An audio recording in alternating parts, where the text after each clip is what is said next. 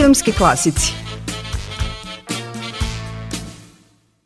Prema prvobitnom scenariju za otpisane svi junaci trebalo je da poginu u prvom delu serije.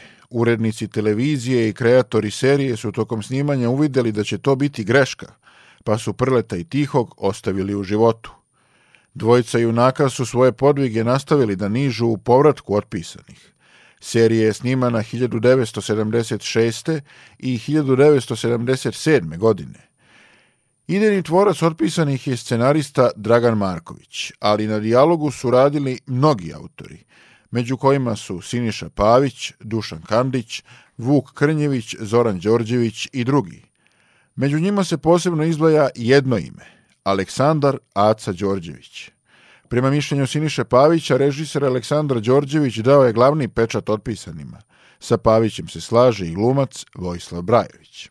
Ali sam Asac Đorđević je bio jedan fantastičan reditelj i onda je on je jako dobro e, shvatio koji će to da bude žanr, kako će to, to publika primi i od početka je, ja mislim, imao viziju kako će to da izgleda, što je jako važno za jednog reditelja, pogotovo tako dobro kao što je bio Aleksandar Đorđević. I on je nas usmeravao, mi smo bili ipak veoma mladi, ali on je bio tako temeljan. Znate, kad onda je imao tu infrastrukturu, imao je fantastične saradnike, od genijalnog direktora fotografije, direktora tona, mi smo prve otpisane snimali skoro tri godine, jer smo to nismo snimali tonski, nego smo to posle sinhronizovali. Proveli smo posle godinu dana samo u, u, u studiju da bismo jeli, sinhronizovali. A koliko je samo bilo to kad to sada gledam studiozno, dakle, vi sad imate jednu seriju koja ima 13 epizoda, dakle 12 epizoda plus film, a snimane je 3 godine. Vojislav Brajević se prisjeća da honorari u prvom delu serije nisu bili na zavidnom nivou. Urednici televizije donosili su odluke o visini honorara, a ako nije hteo da pristane da snima pod tim uslovima, mogao je sasvim lako biti zamenjen. Pred početak snimanja povratka otpisanih glumcima je obećan tri puta veći honorar u odnosu na prvi deo serije, kaže Brajović. E sad, pošto smo i mi bili ovaj, zreli i vešti, onda smo se mi stalno dogovarali, dogovarali, dogovarali, pa ode, ode Gaga da se dogovara, pa sve što predržave kaže da, on meni kaže ovo pristaje na sve, i malo diži. Nama je bilo važno da bude neto, a ne bruto.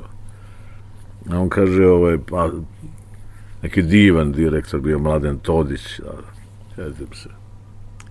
I mi tražimo, ne znam, kao što sam rekao, tri puta, a ovo je bilo povećanje 30 puta. I ovaj, on kaže može, ali kaže Paja Vujisić je pristao recimo na, na primjer neku sumu koja je mnogo manja od naše, a mi kažemo ne, ne, hoćemo, mi hoćemo da i on ima isto koliko i mi. To se njemu dopalo. I mi smo imali te, to što smo hteli, kažem 30 puta više od prvih, a onda bio neki aneks, pa ajde nemoj da nam to stavljate onako, nego dajdemo ovu jednu cifru, on kaže može. I kad je bilo završetak snimanja, mi smo ga nekako zagrlili, rekli, ti si fenomenalan. Kaže, zašto? Ma, kaže, sve si nam učinio što smo hteli, dao se na sve. Kaže, e, imao sam još toliko za vas. Samo su gledali kako da, kako da se slučajno mi ne obogatimo ili da nemamo više nego što, nam, što oni misle da nam pripada. Muzika za seriju Otpisani koju je komponovao Milivoje Mića Marković i danas je popularna među mlađom populacijom, a često se može čuti i na slavljima. Manje poznata činjenica jeste da je trebalo da saradnici Aleksandra Đorđevića na snimanju povratka otpisanih budu tada mladi režiseri Goran Marković i Branko Baletić, ali ta saradnja ipak nije ostvarena. Filmski klasici